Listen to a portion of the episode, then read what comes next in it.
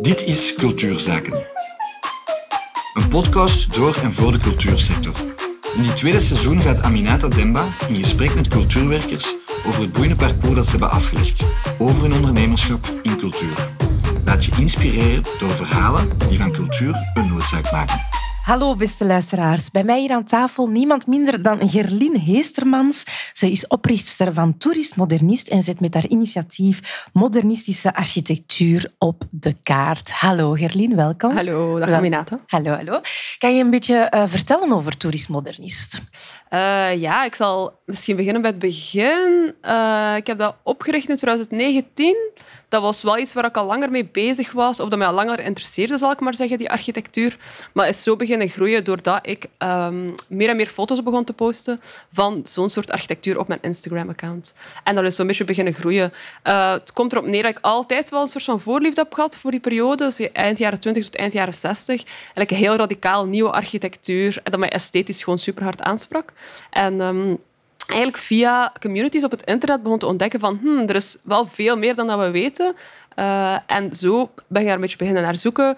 En dan via een vriendin die architect is, zij zei van ah, dan moet je naar Brussel komen, want hier staat er superveel. Ik kan er een route uitstippelen en dan kunnen we dat samen doen. Dus zo geschieden. En nu doe ik eigenlijk niks anders dan van die routes uitstippelen. Voor dingen te ontdekken, zal ik maar zeggen.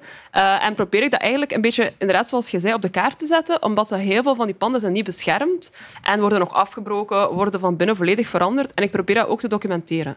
Dus vooral via mijn Instagram-account. Maar daarnaast uh, probeer ik dat ook letterlijk open te zetten, omdat ik uh, rondleidingen organiseer in zulke gebouwen, waarbij dan mensen dus eigenlijk een gebouw dat normaal niet toegankelijk is, of voornamelijk zelfs privé, kunnen zien. Um, en ik heb ook al wandelgidsen gemaakt, waar, aan de hand waarvan dat mensen zo'n wandelingen kunnen doen en die gebouwen ontdekken.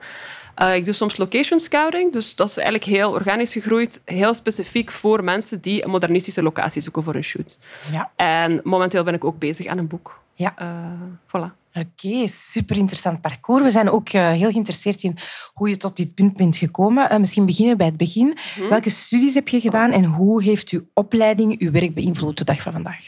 Um, ik heb kunstwetenschappen gestudeerd, de bachelor, en dan uh, culturele studies, master.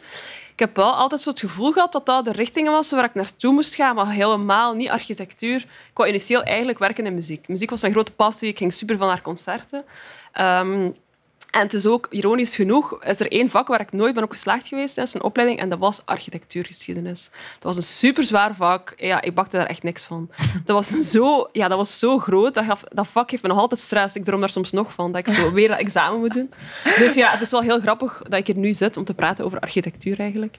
Dat, dat interesseerde me wel, maar dat was zo technisch. Ja, dat was gewoon niet voor mij weggelegd. En dan ben ik kort daarna eigenlijk um, begonnen met ook mee initiatieven uit te bouwen als dingen te organiseren. Ik heb eens mee een festival georganiseerd.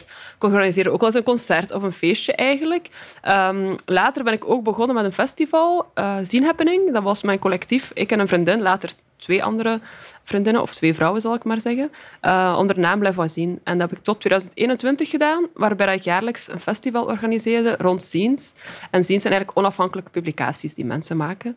En die ze daar konden voorstellen, verkopen, wat de workshops, expos. Dus eigenlijk dat organiseren was wel zoiets dat mij al heel lang uh, in de vingers, waar ik wel goed in ben, dat ik ook wel graag doe en veel uit haal. En ondertussen was ik dus sinds 2018, 2019 wel zo bezig met eigenlijk zoveel mogelijk, zo'n beetje Pokémon of zo, gotta catch them all, zoveel mogelijk gebouwen te zien en die vast te leggen, die te posten. Uh, en zo is dat alsmaar gegroeid, zal ik maar zeggen. Dus je bent eigenlijk van heel vroeg heel ondernemend geweest? Eigenlijk wel. Ik heb daar nooit zo bij stilgestaan. Ik, maar ik herinner me wel toen ik loopbaanbegeleiding deed op een bepaald moment dat ze zei, ja, Gerlin, je bent wel echt iemand, je bent echt zo'n ondernemer. ik was echt zo'n ondernemer. Voor mij was dat zoiets ganz anders of zo. Ik zag mezelf zo niet, maar ik heb inderdaad wel beseft dat ik, als ik een idee heb in mijn hoofd, denk ik ook, ah ja, we gaan dat proberen. Ja. En weet je waarom dat ze een ondernemer? Hoe hebben ze dat benoemd? Oh, dat was aan de hand van zo een vraagstelling, een soort van interviews en zo. Um, en dan zei, ja, dan zei ze dat ook gewoon van, ja, je doet heel veel naast je werk. En ik zie ook wel dat een soort van leiderschapskwaliteit, tussen aanhalingstekens, hè, want het is niet dat ik nu manager ben of weet ik. Allee, voor mij is dat dan direct die connotatie. Maar ja, ik kan wel heel enthousiast worden en daarin mensen meetrekken, denk ik. Dus Ja. ik denk dat dat daarvan... Plus, ik kan niet goed stilzitten. Ja. Ik heb heel graag veel actie. Ik ben wel geïnteresseerd naar wat voor werk je eerder hebt gedaan voordat je, eh, je- ja, hier aan begon. Mhm. Altijd, eh, ik heb altijd deeltijds gewerkt. Eh, in het begin was dat toevallig. Alleen mijn eerste job was eerder toevallig. Maar gaandeweg voelde ik ook wel, oké, dat is ideaal. Doordat ik deeltijds werk, heb ik daarnaast tijd om mijn eigen dingen te doen. En begon ik ook meer en meer te voelen van, misschien moet ik daar meer op inzetten. En is een job voor mij gewoon een manier van geld verdienen. Daarnaast te kunnen doen wat ik graag deed. Ehm, Was dat altijd zo strategisch dat je dacht van, oké, dat is dat is organisch gegroeid? ja. ja. Mijn eerste job was... Ik heb eigenlijk een tijdje werk gezocht. Ik wist ook niet helemaal goed wat ik wou. Ik wou eerst in de muzieksector, maar dan kort daarna toch eigenlijk... Als ik dan voelde wat dat echt was, dacht ik, oh nee, ik ga die passie misschien kwijtgeraken. En ben ik beginnen werken in een tweedehands klerenwinkel. Wat een heel simpele job maar was. Ik ben ook wel sociaal en dat vond ik daar leuk aan. Het was ook echt mijn vaste uren. En ik kwam heel veel interessante mensen tegen in Gent, mij denk ik ook wel zo ja, op een manier bijna een, een soort van netwerk heb uitgebouwd. Er kwamen heel veel creatieve mensen langs, waar ik me dan een praatje mee deed en zo. Ja. En zo heb ik ook het meisje ontmoet, maar weer dat ik later zien heb en ik ben beginnen doen. Wat heel herkenbaar is voor culturele ondernemers in, in hun beginjaren, is dat ze eigenlijk, hè, om ja, financiële zekerheid te krijgen, wel een soort van job zoeken dat je een rust geeft, Ja. om daarnaast eh, ja, te kunnen doordenken of de, de tijd te kunnen nemen om dat creatieve te ontwikkelen in hun hoofd. Of heel praktisch. Was dat bij u ook het geval? Ja, zeker. Alleen is dat wel een beetje ehm, anders geëvolueerd. Dat was zeker zo het geval, maar dan mijn volgende job, dat ik de planning ben voor Maar ik zoiets had, ja, ik wil meer in die winkel werken, ik wil wel wat meer ervaring, maar ik, ik ben heel lang zoekende geweest. Ik denk dat een jaar geleden bleef ik zomaar, ja, wat is nu de juiste job voor mij? Wat moet ik nu doen?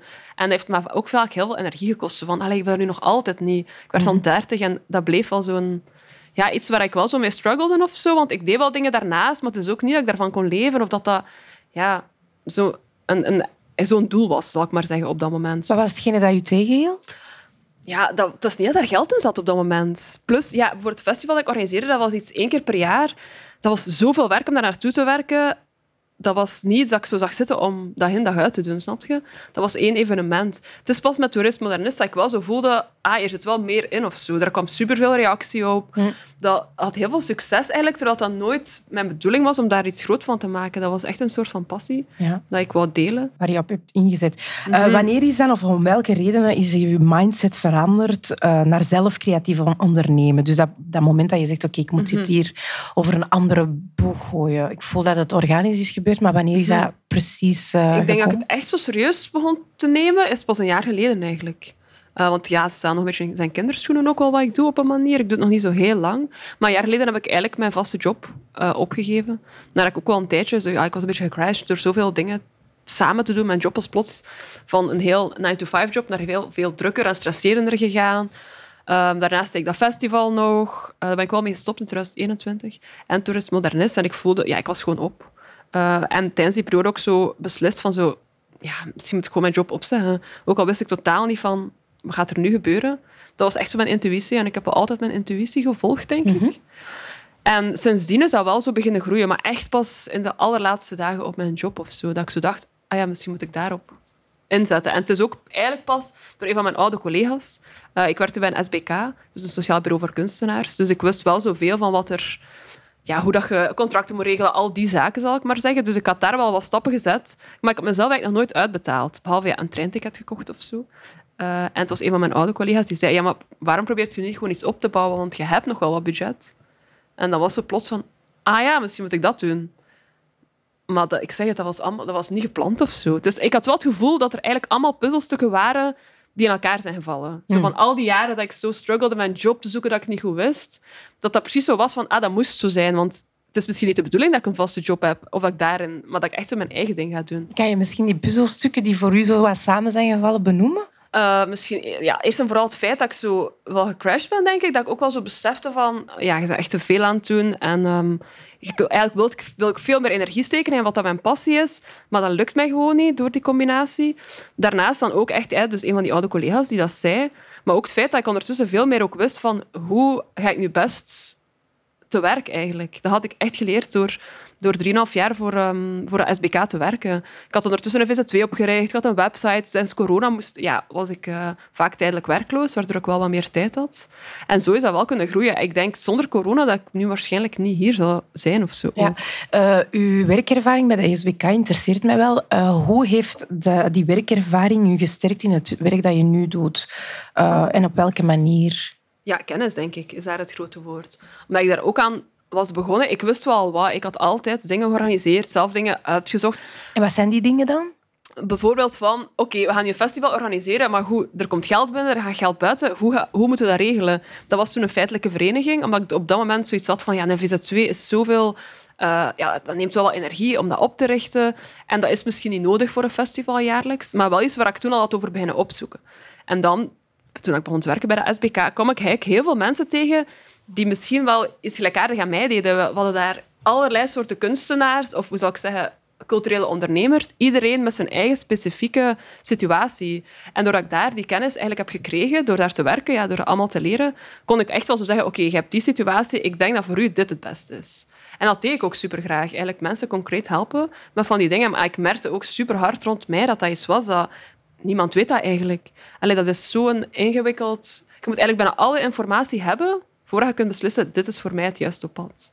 Um, dus op dat vlak heb ik wel geluk gehad, denk ik. Is dat een probleem, denk je, in het algemeen? De, de, ja, het, niet, de, ja, het feit dat die kennis niet zo breed gedragen is? Ja, dat denk ik wel. Dat merk ik heel hard rond mij. Dat mensen hebben geen idee wat ze eraan moeten beginnen. Ze weten eigenlijk niet bij wie dat ze moeten aankloppen er zijn ook zoveel... Ja, SBK alleen al zijn er zoveel opties. Wat is dan het verschil daartussen? Maar moet ik dan niet beter zelfstandiger worden? En ze weten eigenlijk niet naar wie moet ik nu exact gaan. Ik denk, cultuurloketten zijn natuurlijk wel de beste optie in. Maar ook daar moet je zelf ook dingen uitzoeken natuurlijk. Hè. Um, en ik, ja, dat merk ik heel hard rond mij. Ook in mijn vrije tijd word ik daar wel op aangesproken van ah ja, ik heb gehoord dat jij daarvoor werkt. En kunt jij mij niet zeggen hoe ik het beste moet doen? Of ik wil het kunstenaarsstatuut halen en ik heb al zoveel dagen, wat moet ik nu doen? Hm. Ja, dat begon wel zo wat te leven. En ik merk ook wel dat als ik zo een beetje informatie gaf, dat mensen het al vaak echt zo niet meer zagen van oei, dat en dat en dat. Hoe moet je daaraan beginnen? Want het is wel echt veel, ja. ja. Ehm, het is overweldigend. Ja, het is echt overweldigend. Ook omdat er zijn zoveel opties. Hè. Je weet niet, wat is nu voor mij de beste optie? En waar vind ik dat? Die op, ja, waar vind ik dat antwoord op? Is er volgens u te weinig expertise of zo dat, dat, dat gedeeld wordt of waar mensen naartoe kunnen? Misschien wel. Het is ook iets aan in opleidingen totaal... Dat heb ik ook van heel veel kunstenaars gehoord. In de opleidingen hebben we hier totaal niks van gezien. Hm. Die verschieten ook ja, factuurbedrag naar netto. Zo van, wat? Uh, waarom zou ik dat officieel beginnen doen? Want ja, ja allee, dat, dat is, en dan merk ik wel dat dat super hard leeft. En zeker sinds corona nog meer, denk ik. Hè, hm. Dat die bescherming er daardoor ook niet altijd is. Ja.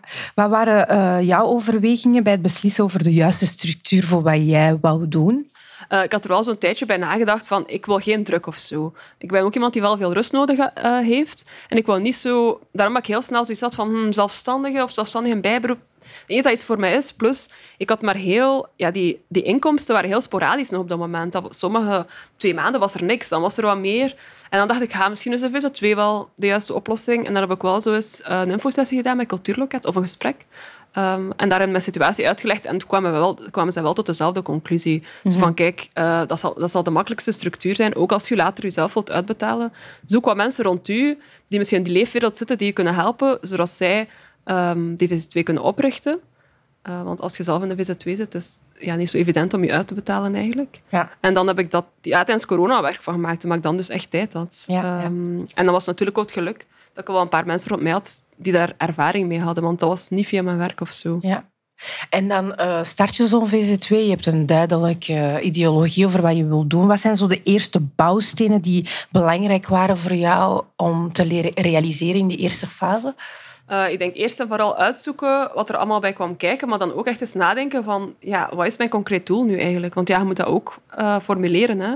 Uh, als, je de, als je een VZ2 opricht. En ja, met welke mensen omring ik mij die daarin ook betrokken worden? Want uiteindelijk sta ik niet alleen. Allee, het project Ik ben toerisme-modernist, maar er zijn meer mensen of zo hm. die erin betrokken zijn. En um, ja, om die dan te vragen van, ja, wat denken jullie? Zien jullie dat zitten? Een soort van klankbord of zo ook wel. Um, ja, ik denk dat dat zo wat de belangrijkste stappen waren. Ja, je hebt het eh, net gehad over omringen. Is er een bepaalde expertise waar je beroep op moest doen? Of omdat je er zelf niet voldoende kennis uh, of kunde over beschikte? ja, destijds zeker van zo, hoe begin ik daaraan? En zo, wat zijn de fouten die je kunt maken? Uh, gelukkig had ik ook een van mijn andere collega's die ook een VZ2 had. En die heeft me daar wel hard mee geholpen. Van zo, kijk, die zei echt zo van, in plaats van dat online te doen, ga naar daar en laat dat inkijken. Want ze gaan er direct nog fouten uithalen, anders moet je dat betalen. Allemaal zo van die stomme kleine details, maar dat heeft me wel geld bespaard. Uh, of die mij ook zei van, ja, je moet een belastingsaangifte doen, je moet uh, die leden bijhouden, je moet dit, je moet dat. dat is, daar komt heel, er komt echt wel veel bij kijken. Eens dat dat voorbij is, is dat voorbij. Hè?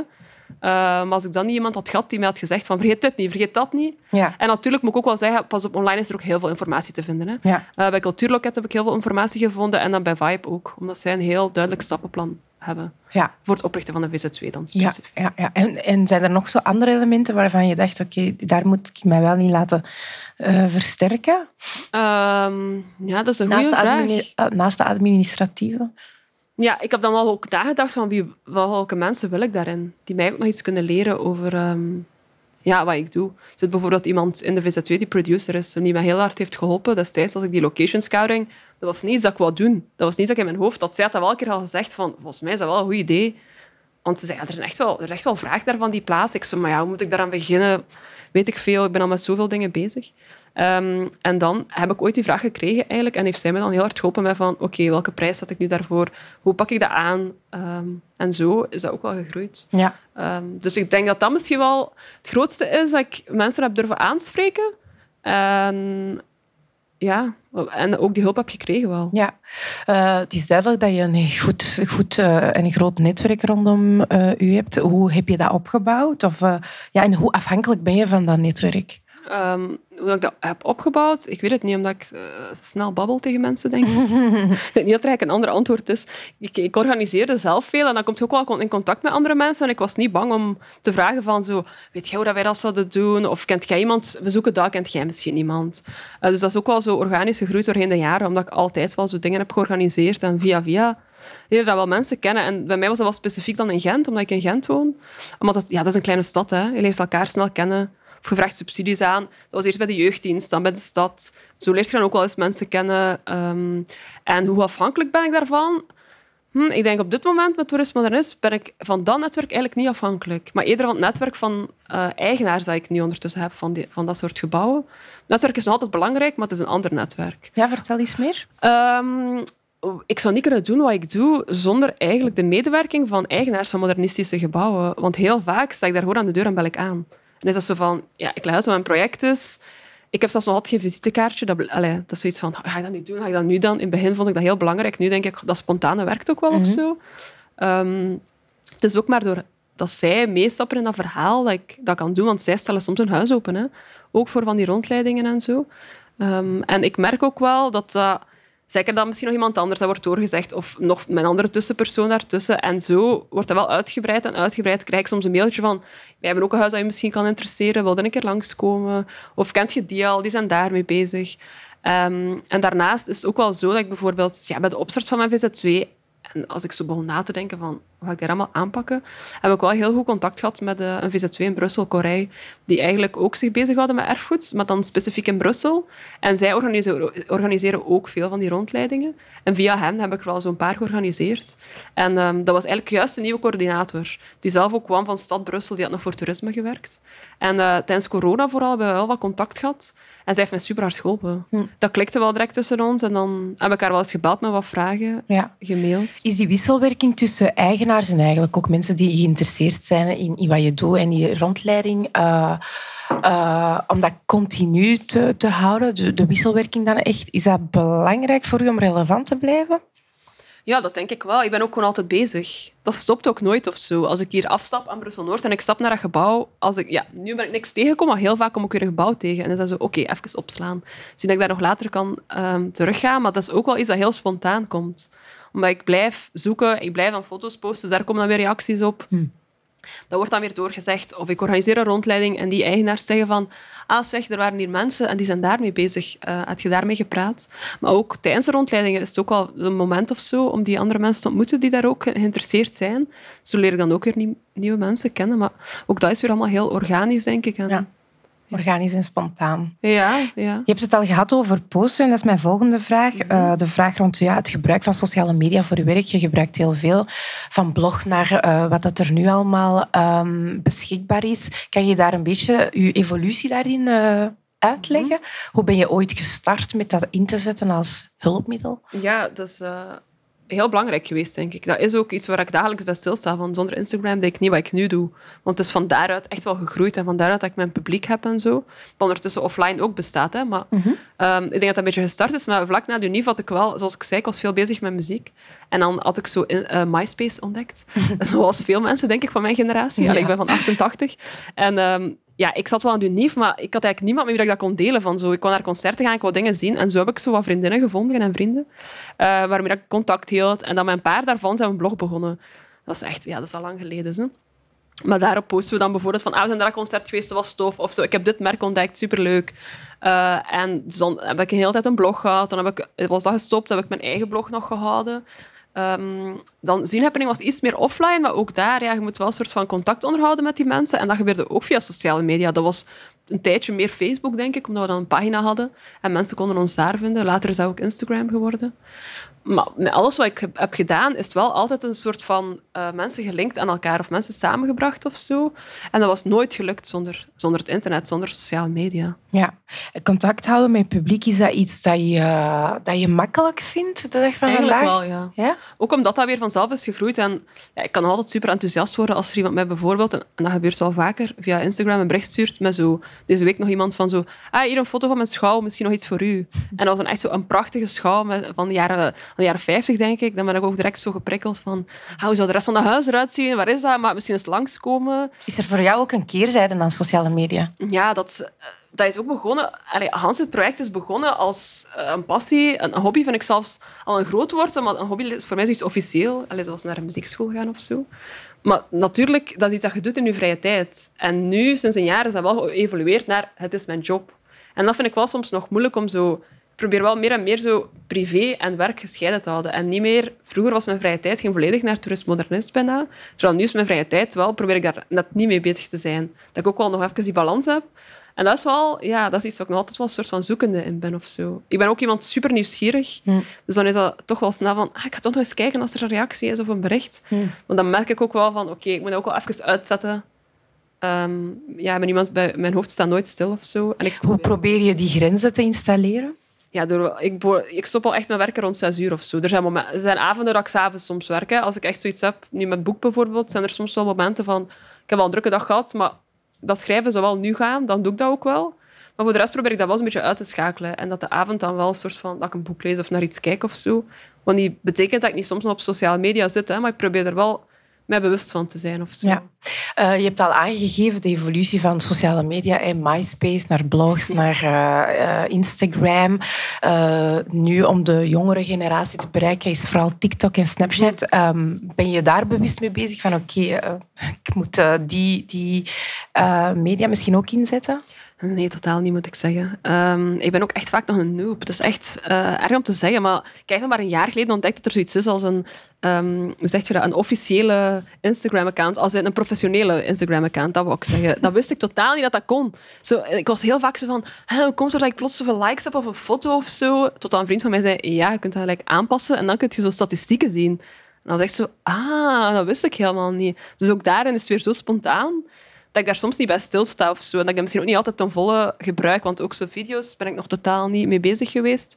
En ik moet zeggen, TikTok is iets dat ik mezelf totaal niet zie doen of zo direct. Voel je daar weerstand tegen om mee te gaan met die nieuwe trends? Of, Ja, of- op een manier wel. Waarom? Ik, ach, ik denk dat ik gestart ben vanuit die foto's. En dat ik vind dat een heel gemakkelijke manier om ze over te brengen wat ik doe. Het is heel simpel, het is gewoon een foto. Mensen kunnen dat direct zien. Dat is modernistisch. Ik zet daar een kort tekstje bij met wat info. Maar video's, dat lijkt me dan weer zoveel werk. Iets dat ik eigenlijk geen ervaring mee heb. En dat schrikt mij ook wel af.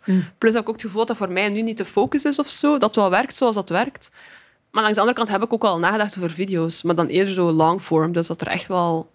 Ja, dat soort van kleine docu of zo zou zijn. Heb je het gevoel dat je daar een grens tegenkomt waardoor dat je dat misschien moet gaan uitbesteden? Oh, dat lijkt me heel moeilijk. Mijn, mijn project is heel persoonlijk. Mensen associëren dat ook wel met mij. Eh, Zelfs als ze mij niet kennen, hebben ze wel door, denk ik, dat dat iets persoonlijk is. En dat, ik heb er al vaak over nagedacht dat ik daar heel veel moeite mee zou hebben. Moest dat ooit zo ver komen dat alles is gestart van daarvan. En ik kan me totaal niet voorstellen dat er nu iemand anders zo'n foto zou posten, bijvoorbeeld, of zoiets. zou- Ja, dat is misschien raar om te zeggen. En misschien binnen twee jaar denk ik van, jezus, zo belachelijk. Maar op dat, dit moment kan ik me dat niet voorstellen. Nee. Ja. Ook omdat je net bent begonnen misschien. Ja, op een manier wel. Ja. Net serieus ben begonnen. Ja, net serieus. Hoe was het voor u om een prijs te bepalen voor ja, de dienst eigenlijk en eh, wat je aanbiedt? Deels eh, door mijn ervaring met het werken van SBK wist ik wel wat een correcte verloning was. Maar langs de andere kant vond ik het ook heel moeilijk om wel echt zo te zeggen van dit is mijn prijs. Of als ik een vraag kreeg, om dan te zeggen is er budget. Wat, wat vond je er moeilijk aan? Ja, de angst dat mensen dan zo gaan zeggen ja, laat maar. Of, zoiets gaan, of dat ze misschien zoiets gaan hebben van Jesus, vraagt je daar geld voor? Terwijl eigenlijk is dat heel logisch. En was ik wel ook altijd degene die zo zei tegen andere mensen, je moet er wel geld voor vragen. Hè? Alleen steek er werk in. Dus dat is wel ook zoiets ja, eigen aan het werk dat ik doe, is dat ik vaak op voorhand al heel veel werk heb gedaan. Bijvoorbeeld met die locaties. Ik heb die al bezocht de laatste drie jaar, bij wijze van spreken. Ik heb die bijgehouden. Eh, ik heb er een databank van aangelegd. En als iemand mij dan vraagt naar een locatie, is dat werk op zich niet zo lang. En dan lijkt dat precies zo van, oei, nu moet ik daar geld voor vragen, terwijl eigenlijk heb ik dat al. Maar ja, ik heb er natuurlijk al altijd ingestoken. Dus Ja. dat vind ik soms wel nog een moeilijke om zo te doen. Maar ik ben er wel meer en, allee, beter en beter in te worden. Onlangs ook nog een vraag gehad voor een artikel. Ehm, ik moest maar iets, ja, ik moest iets kleins eh, daarvoor schrijven en foto's aanleveren. En dan toch zo aangedurfd van te vragen, is er budget? En er was budget. En wat maakt dat je er beter en beter in wordt? Mm, misschien dat ik wel meer zelfvertrouwen heb. En ook omdat ik het project nu wel heel serieus neem. Dat voelt wel anders voor mij of zo. Het is nu echt mijn job. Ehm, en daardoor probeer ik dat ook wel echt zo te zien als een job. En ik denk dat dat ook moeilijk is geweest voor mij, omdat dat altijd iets was. Dat was iets dat ik deed naast mijn werk, dat was een passie. Dat was, ja, ik had daar superveel energie uit, ik had daar nog altijd energie uit. Maar ik moet ook realistisch zijn, ik steek er ook tijd in. Hm. Ehm, en daar mag ook eens tegenover staan. Is dat een mindshift dat je echt hebt moeten Ja. doen? Ja, Van wel. hobby naar cultureel ondernemen? Ja, ja, ja, zeker ook als ik die vraag kreeg, was ook wel echt zo van, ah ja, maar ja, ik ben eigenlijk nu wel cultureel ondernemer. Dat is niet zoiets dat ik bewust had bij stilgestaan of zo. Ja. Dat is echt wel moeten groeien. Ja. Heb je eh, daar een evolutie in gekend? In hoe dat je er echt in het begin mee omging en nu? Hoe zou je dat dan Het afgelopen jaar, ehm, omdat ik nu me echt er volledig heb kunnen focussen. Eh, ik heb die beslissing toen grotendeels gemaakt omdat ik dus een boek aan het maken ben dat daar heel veel tijd in kruipt. Maar ik voel nu ook wel, ik kan gewoon veel meer doen. Veel meer dingen dat ik zo dacht, ah, ik zou daar nog eens tijd moeten insteken. Of ik zou daarmee meer willen bezig zijn. Of als, als ik een vraag kreeg, dat ik daar nee op moest zeggen. En nu voel ik ook wel van, ah ja, daar zit wel echt meer in. Terwijl ik daar denk ik in het verleden wel aan had getwijfeld. Zo van, ja, dat, ik kan daar toch niet mijn job van maken of zo. En dat is wel ehm, veranderd, ja. Laat je je daarin adviseren ook? Mm, hiervoor wel, maar ondertussen eigenlijk volg ik echt gewoon een beetje mijn eigen intuïtie. En zijn beslissingen dat ik een jaar geleden heb gemaakt, probeer ik nu gewoon daarin verder te doen, denk ik. Ik heb al eh, in ja, voorjaar van 2021 enkele sessies gedaan. Dat was ook met Cultuurloket, om eigenlijk eens een soort van financieel plan op te stellen. Maar dat was toen nog het idee van, ik blijf deeltijds werken en ik ga in bijberoep gaan. En dat heeft me toen wel afgeschrikt, omdat ik toen besefte van, shit, ik ga echt wel veel meer moeten verdienen om, eh, ja, om daar dan nog iets van inkomen bij te hebben, wat al direct wat druk legde, wat ik op dat moment als stress ervaarde. En als ik, daarna ben ik het dan wel anders gaan bekijken. Ehm, en daardoor is dat ook wel een beetje veranderd, denk ik. Wat is de sleutelbeslissing geweest toen eh, dat er heeft gemaakt dat je wel een formule hebt bedacht, eh, Ehm, gevonden? ja, die oude collega die toen zei, van, waarom ga je daar niet gewoon niet voor? Want ze wist dat ik nog wat budget had staan van het festival dat ik had, laten, dat ik had georganiseerd. En ze wist ook wat er van de VZ2 van Toerist Modernist, ik had daar nooit geld van gebruikt. Dat, dat stond erop. Ja, ik, was een keer een onkost dat ik daarmee eh, betaalde of zo. En dan begon ik te denken van, ah ja, eigenlijk wat ik doe is ook wel artistiek, dus misschien moet ik wel eens kijken voor ehm kunstenaarsstatuut, alleen nu de kunstwerkuitkering. En was zo'n beetje van, begin oktober was dat, toen was ik ehm, eigenlijk werkloos voor de eerste keer. Ik had dan eind augustus gestopt met mijn werk en ganse maand september was ik ingeschreven geweest, voltijds, eh, als een soort van test. Eh, en dan daarna ben ik eigenlijk begonnen met te zien hoeveel inkomsten zijn er nu, hoe kan ik me inschrijven, kan ik daaraan geraken voor die kunstwerkuitkering. En nu, 4, 4 oktober dit jaar, heb ik die effectief gehaald. Dus dat heeft me heel veel rust gegeven. Ehm, dat ik, ook al komt er misschien op dat moment niet genoeg geld binnen, dat ik wel een soort van basis heb. Want ik ben wel constant aan het werken, maar daarom is er niet genoeg budget om mezelf uit te betalen of zo. Ja. En dat is wel de grote, ja, de grote verandering geweest, zal ik maar zeggen. Ik kwam dat zo vaak tegen, maar ik had nooit gedacht dat dat ook iets was dat op mij van toepassing kon zijn. Geeft dat je meer vrijheid in, in je creatief werk? Ja, dat denk ik wel. Omdat ik geen druk heb. Ik heb geen financiële druk en dat maakt heel veel verschil. Ik vind het superbelangrijk dat ik niet puur commercieel denk of zo. Dat is wel een deel ervan. Maar dat moet heel... Voor mij is dat heel belangrijk dat dat spontaan blijft en organisch blijft. Dat is er zo'n groot deel van. En als ik echt had gekozen voor zelfstandig te worden of om mezelf voltijds in te schrijven, dan had ik daar gewoon keihard mee bezig moeten zijn. En dat zou ook niet gelukt zijn. Ik heb niet genoeg tijd daarvoor. Ik zou super veel stress hebben gehad. Vooral nu ervaar ik wel een soort van rust en heb ik ook het gevoel van, kijk, ik kan me nu even echt concentreren op dat boek. Ik doe nog wel dingen ernaast, maar ik probeer dat wel een beetje te beperken. En dat geeft wel een goed gevoel of zo. Maar ik ook wel het gevoel heb, oké, dat boek is de volgende stap. En ja, wie weet daarna. Geeft u ruimte om te bouwen eigenlijk. Ja, in plaats van uh, meteen uh, Ja. uh, er te moeten zijn of zo. Um, assertiviteit is een kenmerk dat bij veel culturele ondernemers terugkomt. Herken je daarin? En is dat een, een belangrijke ondernemingsmentaliteit? Ja, dat denk ik wel. Ja, deels ben ik wel een assertief persoon. Als in, ik durf het dan wel om zo aan te bellen om dingen te vragen. Maar als het dan weer aankwam op zo prijzen vragen, ben ik dan weer minder assertief of zo. Hmm. En ik denk dat dat wel zo'n beetje kwam uit het feit dat ik misschien nog niet genoeg zelfvertrouwen had om te weten van wat ik doe hier is wel ehm, ja, goed of belangrijk. Of ik ben nu woord aan het waardevol. Dat is het woord dat ik zocht. Het is wel waardevol wat ik doe. En het is niet gewoon een projectje of zo. Ja, het wil wel wat zeggen. En ik, ik doe er wel wat dingen mee. Die, en ik doe ook wel iets dat niemand anders doet op dat moment. eh, op dit moment.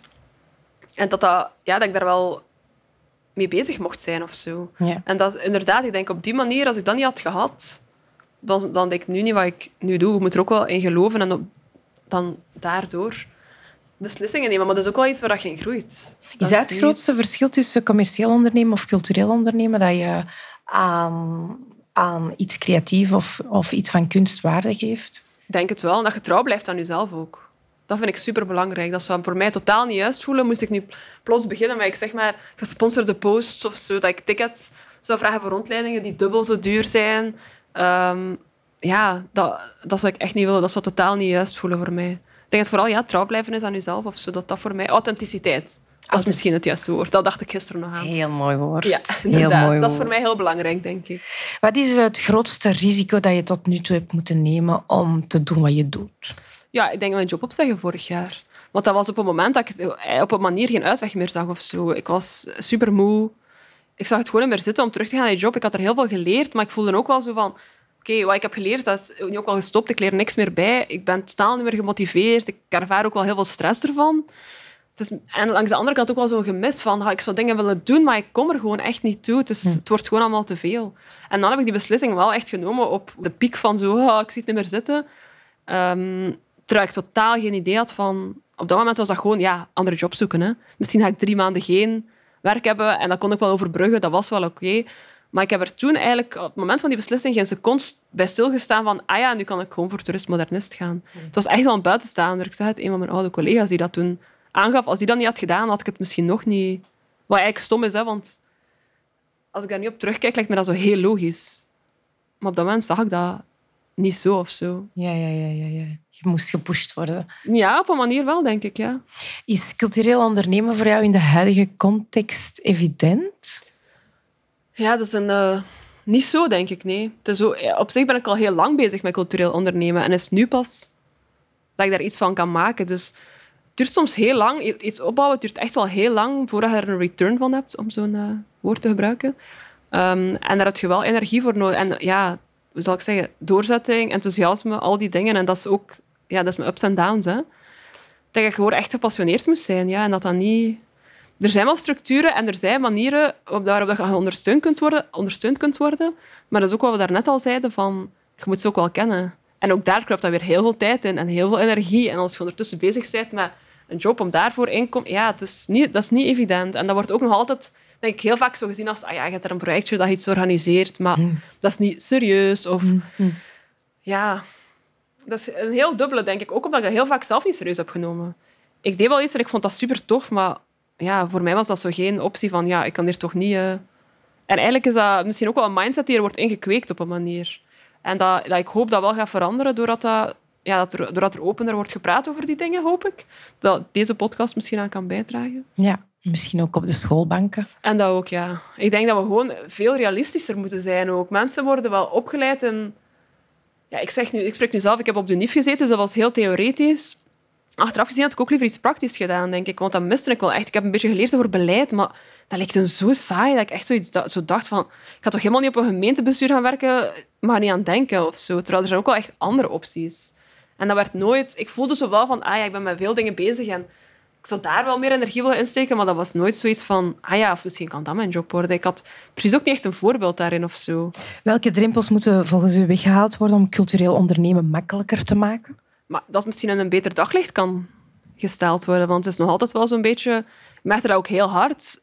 Ja, ik, had een, ja, ik heb een uitkering, ik had een uitkering. Um, dus je komt ook terug bij de VDAB, je moet je inschrijven. En dat is echt wel zo'n label van zo, ja, artistiek werk. Ze zeggen dat wel, maar ja, er komt dan geen geld binnen.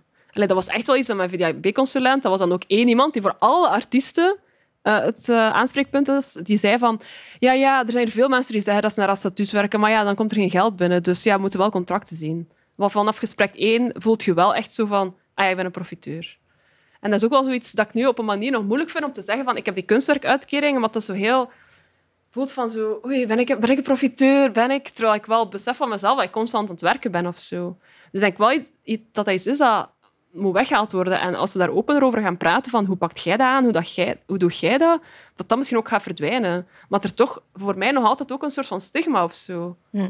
Maar is het niet omdat het, niet goed, ja. um, het beeld rond uitkering en het woord uitkering um, een, een, een, verkeerd idee meegeeft? Ja. eigenlijk is het ook een vorm van investering, zodat zeker. je kan uitbouwen wat je probeert uit te bouwen, toch? Of dus hoe zie je dat? Ja, zeker. Ik denk ook dat door hoe dat, dat soms wordt geportretteerd in de media of in de politiek, van zo'n uitkering, ja, dat is voor mensen die, uh, ja, dat is voor mensen die niks doen. Hè. Zijn voor profiteurs die op hun lui gat zitten en zo. En ik denk dat daar wel echt een shift in moest zijn. En dat dat wel gaat helpen als mensen daar open over praten. Van kijk, ik ben bezig met deze kunstpraktijk of met dat. En dat helpt me super hard dat ik ondertussen dit heb. Of ik ben daar naartoe aan het werken. Ik heb wel het gevoel dat daar stappen in worden gezet. Ook met de kunstwerkuitkering die iets soepeler gaat worden. Dat daar wel meer eh, ja, erkenning voor komt of zo. Maar het kan sowieso nog beter. Ja. Um... Wat is jouw advies aan uh, jonge creatievelingen? ja, maar moet ik eens nadenken. Ja, ik weet niet, als je iets graag doet, moet je dat gewoon blijven doen. En ik denk ook wel vertrouwen hebben of zo. Want op zich, misschien is dat niet dit project, maar is het een volgend project, komt er wel iets komt er al iets op je pad en komt er al iets en omring je ook met mensen. Durf, wees niet bang om dingen te vragen. Dat is denk ik mijn grootste. Dat heeft mij heel hard geholpen om te zien, door in contact te komen met andere mensen die gedreven zijn, voelt je ook wel van, ah ja, dat wil ik ook wel of zo. Dat, ja, dat vind ik echt fantastisch om te zien hoe dat andere mensen ook met hun eigen projecten kunnen bezig zijn. Ja. Um, veel culturele ondernemers ja, werken niet echt in een, uh, op een klassieke manier, hè, van 9 tot 5 nee, nee, nee, of vaste werkuren. Maar ja, op een of andere manier moeten we wel je, werk structureren. Uh, jij werkt alleen. Hoe pak jij je werkplanning of je werkdag? Of uh, hoe pak je dat structureel aan? Oh, dat is al uh, een werk van lange adem geweest. Of ik zeggen? Dus ben sinds een dik jaar of zo nu. ben ik dus fulltime daarmee bezig. En dat, is, heeft echt lang geduurd. Dat ik daar... Ja, ik ben gewoon iemand die heel snel afgeleid is. All over the place. Nu ben ik dit aan het doen. Nu ben ik dat aan het doen dat heeft echt tijd genomen om gewoon to-do-lijsten te maken, te beginnen werken met een weekplanning van oké, dan heb ik die afspraken al, dan probeer ik op die momenten dat te doen en dat echt gewoon zo op te schrijven. En ik heb daar ook wel echt zo hulp van gehad van een coach, van zo, hoe moet ik dat nu uh, ja, beginnen aanpakken? Van, maar ik daar echt wel wat mee zat, ja, dan voel ik me heel vaak op zo'n momenten van oh, ik kan nu niet werken, ik was afgeleid, dan voelde ik me schuldig dat ik niet aan het werken was, wat natuurlijk dan helemaal een spiraal werd van zo shit, ik heb niks gedaan vandaag. En dat de druk ook wel wordt opgevoerd het helpt me wel nu ook dat ik dat boek aan het maken ben. Omdat dat een heel... Dat een duidelijke deadline. Hè. Einde van het jaar moet dat gewoon af zijn. Hm. Dus ik moest wel een planning opstellen. En die planning helpt me nu ook wel met andere projecten. Dat ik daar Welke ook, tips uh, gaf die coach jou, concreet? Om heel concreet op te schrijven, echt tot een klein detail van dat uur tot dat uur ga ik de afwas doen. Ik zeg maar, van dat uur tot dat uur ga ik misschien ook yoga doen. Maar van dat uur tot dat uur ga ik werken aan het boek. Uh, op die dag ga ik die afspraak maken. Om zo heel concreet daarin te gaan. Is dat, niet, is dat tegen je impuls? Ja, ja, ik ben wel ja, ik zeg het, ik ben iemand die constant van alles bezig is, terwijl ik wel super georganiseerd ben. Maar dan voor mezelf, mijn werk structureren, eigenlijk totaal niet. Dat heeft ook weer met die afleiding te maken, denk ik. Ik ben met iets bezig en dan denk ik weer aan dat en dan denk ik weer aan dat. En dan is mijn hoofd volledig... Dus probeer ik gewoon heel veel op te schrijven. En dat helpt me wel super hard. Maar dan is het gewoon uit mijn hoofd. Hè. Dan lig ik niet meer s'avonds in bed van zo... Ah ja, shit, dat. Ah ja, dat. En dat helpt u wel om dingen te realiseren dan? Ja, dat wel. Ik heb het gevoel dat er ook veel meer... Ja, je streept af en is van, ah ja, dat heb ik gedaan. Anders lijkt, dat voor mij ook zo precies, ah, ik heb hier niks gedaan. Nu voel ik ook veel meer van... Soms heb ik één namiddag super hard gewerkt en misschien in een voormiddag minder gedaan. Maar dan merk ik gewoon dat ik op korte tijd veel meer kan doen. Dat ik misschien ook niet meer moet denken in het klassieke van je bent om negen uur en je werkt tot vijf uur. Wat ik heel hard probeerde in het begin, maar, dat voor mij gewoon niet werkte. Soms was dat in de voormiddag ga ik gaan wandelen of boodschappen doen. En de namiddag begin ik te werken en dan werk ik tot s'avonds. En dat is ook oké. Dat is ook voor iedereen heel anders, denk ik. En dat kan ook wel helpen om daar een soort van hulp te zoeken. Omdat dat niet zo evident is om... Slecht dat gezegd, er is geen klassieke er is geen uur dat op bureau moet zijn. Hè. Ja. En is dat een eenmalige coach of is dat een, coaching dat je blijft installeren? Dat was wel eenmalig, ja. Okay. Maar twee of drie sessies of zo, denk ik. Uh, dat was via via eigenlijk dat ik daar... Uh, Alright. Ja, ben ik Misschien om af te sluiten nog, uh, kan je nog mee, meer vertellen over je boek dat er zit aan te komen en waarover zal het gaan? Uh, het is eigenlijk een verlengde van de wandelgids die ik al heb gemaakt. Die wandelgidsen waren kleine brochures. En uh, daar stond een soort van uitleg in van... Oké, we beginnen aan die, um, aan die halte of aan dat adres. En dan kunt u nu naar rechts, nu naar links. Daar heb je dat huis van die architect. Gaat het boek eigenlijk een, um, een verzameling zijn van twaalf zo'n routes in België. Dus dat gaat van Eeklo, wat een heel verrassende stad is, denk ik, tot Doornik. Um, dus er zijn uh, twee ook in Brussel, uh, één in Laken en in Ukkel waarin dat mensen eigenlijk zelf die gebouwen kunnen ontdekken aan de hand van uh, uitleg van mij. Als in de route wordt uitgelegd, maar dan ook telkens een korte uitleg bij de gebouwen. Dus daarmee is eigenlijk mijn bedoeling om gewoon aan mensen te tonen van er is zoveel in België en we vergeten dat echt. En doordat we dat vergeten, wordt het ook niet altijd naar waarde geschat en verdwijnt het. Dus ik hoop dat dat toch uh, een verschil kan maken. Maar ik merk ook wel, ja, er zijn nu al hoofdstukken die geschreven zijn waarbij ik terug ben gegaan en oei, dat gebouw is plots verbouwd. Oei, die deur is vervangen door een superlelijke PVC-deur. Dus het is ook wel echt een tijdsdocument. Allee, er gaat echt ook bij staan van wandelingen creëert dan, om zo te tonen van kijk, het, is, het verandert echt. Ja. Uh, voilà. Oké, superboeiend. Veel succes ermee. En uh, ik kijk er naar uit om nog meer van jou te horen. Dank je wel om hier aan tafel te zitten, Gerlien Heestermans. Graag gedaan. Bedankt voor het luisteren naar Cultuurzaken. Op zoek naar meer inspiratie, informatie of advies? Met Cultuurloket maken we meer dan podcasts. Dus check zeker ook onze website www.cultuurloket.be.